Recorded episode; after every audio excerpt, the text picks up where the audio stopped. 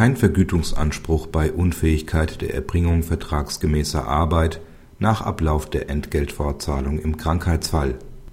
Das BAG hat entschieden, dass der Vergütungsanspruch eines Arbeitnehmers entfällt, wenn der Zeitraum für die Entgeltfortzahlung im Krankheitsfall abgelaufen ist und der Arbeitnehmer aus gesundheitlichen Gründen weiterhin nicht in der Lage ist, die vertragsgemäße Arbeit zu erbringen. Daran ändere auch das Angebot der Arbeitsleistung durch den Arbeitnehmer nichts. Geklagt hatte eine Kommissioniererin in einer Molkerei. Sie meldete sich nach etwa eineinhalbjähriger krankheitsbedingter Arbeitsunfähigkeit bei ihrem Arbeitgeber arbeitsfähig. Zu einem Arbeitseinsatz kam es nicht, weil der Arbeitgeber sie weiterhin für arbeitsunfähig hielt. Er kündigte das Arbeitsverhältnis mit der Begründung einer fehlenden Beschäftigungsmöglichkeit. Gegen diese Kündigung klagte die Arbeitnehmerin mit Erfolg.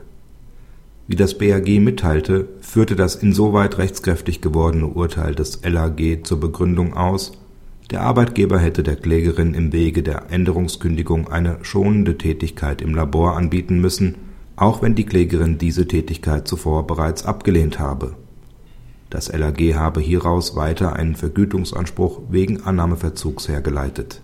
Habe der Arbeitnehmer eine bestimmte an sich mögliche Arbeit abgelehnt, könne der Vergütungsanspruch nicht darauf gestützt werden, der Arbeitgeber hätte diese Arbeit anbieten müssen, erläuterte das BAG.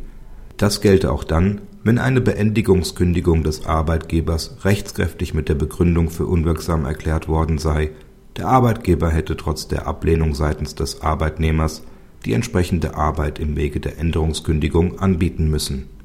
Annahmeverzug liege nicht vor, wenn der Arbeitnehmer zur Leistung der Arbeit außerstande ist oder diese abgelehnt hat. Das LAG müsse nunmehr in einem neuen Berufungsverfahren klären, welche Arbeiten die Klägerin angeboten oder abgelehnt habe und zu welchen Arbeiten sie gesundheitlich in der Lage gewesen sei